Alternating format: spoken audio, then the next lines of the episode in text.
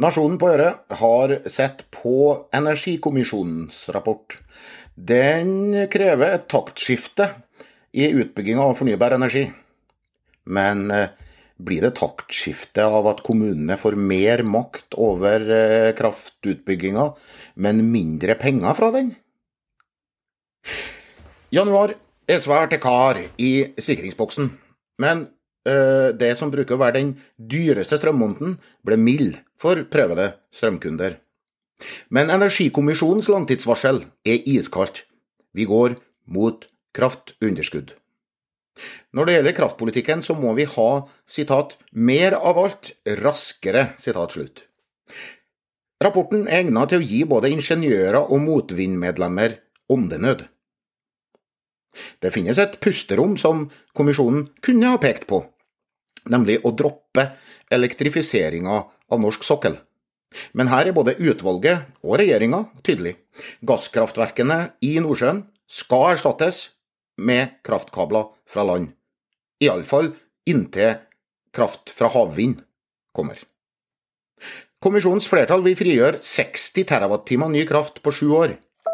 Den mengden er hinsides de fleste anslag for mulig energiøkonomisering og utvidelse av eksisterende vannkraftverk. 40 TWh, altså 40 milliarder kWh, må komme fra ny produksjon på sju år.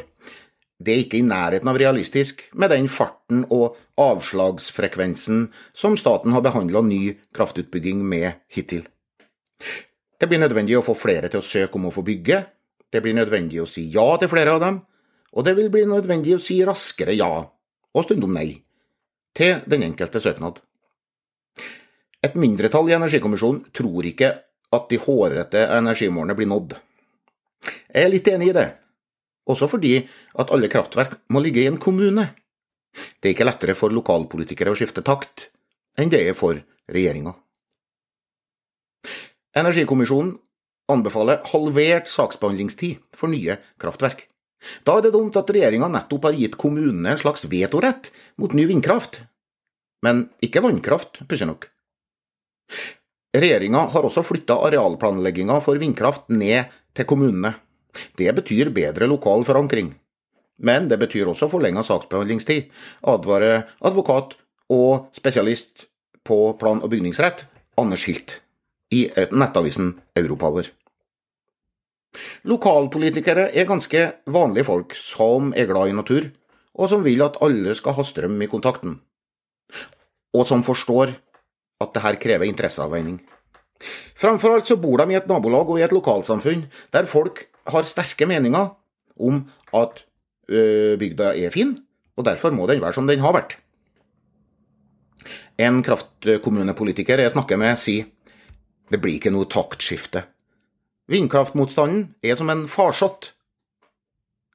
Folk som kjemper mot kraftinngrep i den nære tid og rom, er godt organisert. Motvind, Miljøvernforbundet. De rykker inn med rødt på slep så snart lokale byggeplaner blir kjent. Så peker de på alternativene, som er oppblåst, altså opprustning av eksisterende vannkraft og enøk, eller som ligger langt fram i tid, som kjernekraft.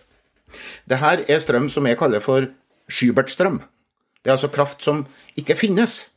Iallfall ikke i så store mengder, eller på et slikt tidspunkt at den kan inngå i en trygg nasjonal kraftpolitikk. Og det er heller ikke vitsen. Schubert-strøm skal brukes for å få stoppa de inngrepene man egentlig vil torpedere.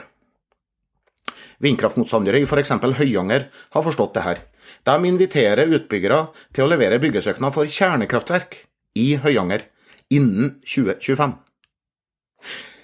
Smarte sunnfjordinger vet at sjansen for å få lokal atomkraft er nær null i deres levetid. Lokalvalget i Høyanger er om sju måneder, og det er ingen strømkunder som vil mangle strøm i kontakten før den tid. TV-serien TV Tsjernobyl er populær. Men eh, atomulykka i 1986 begynner å bli lenge siden. Det kan være derfor at det nå er flertall for kjernekraft i Norge, med 51% ifølge en undersøkelse fra Opinion. Men vil flertallet bestå den dagen kraftverkstomta skal legges til Lørenskog eller Asker? Nå er det dødt løp mellom dem som vil ha mer vindkraft på land, 46% og dem som sier nei, 48 ifølge samme undersøkelse. Ja-siden øker, men noe taktskifte er ikke å se. Som en ordfører sier til meg, alle vil ha kortreist alt mulig, bare ikke kraft. Noen kommuner er det som skifter takt, som Bamble i Telemark. Eh, på et politisk nivå, altså kommunalt nivå, som kjennetegnes av pragmatisme, så gjorde kommunestyret her et prinsippvedtak. De er mot turbiner som henter energi fra vind. Men nå har ordfører Hallgeir Kjeldal fra Arbeiderpartiet snudd. Verden har gått framover, sier Kjeldal til NRK. Eh, en ordfører som ønsker gjenvalg, tenker nok vel så mye på hvor velgerne i Bamble har gått, eh, når kraftprisen stiger og det lokale industriområdet mangler kraft. Noen snur, men noen svaler gjør ikke noe taktskifte. Hva må til for å få norske kommunestyre til å regulere og bygge mer kraftproduksjon, spurte en av mine politikerkontakter. Svaret kom kontant. Penger.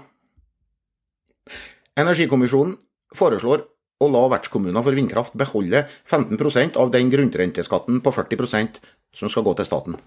Men staten har også økt skatten på kommunale kraftselskaper. Hvis regjeringa har tenkt å la taktskiftet i energiutbygginga komme nedenifra, så er det ikke nok å sende betente saker ned til kommunene. Det må følge med penger også. Det var dagens eh, Nasjonen på gjøre. Du får ha en energisk og fin dag videre.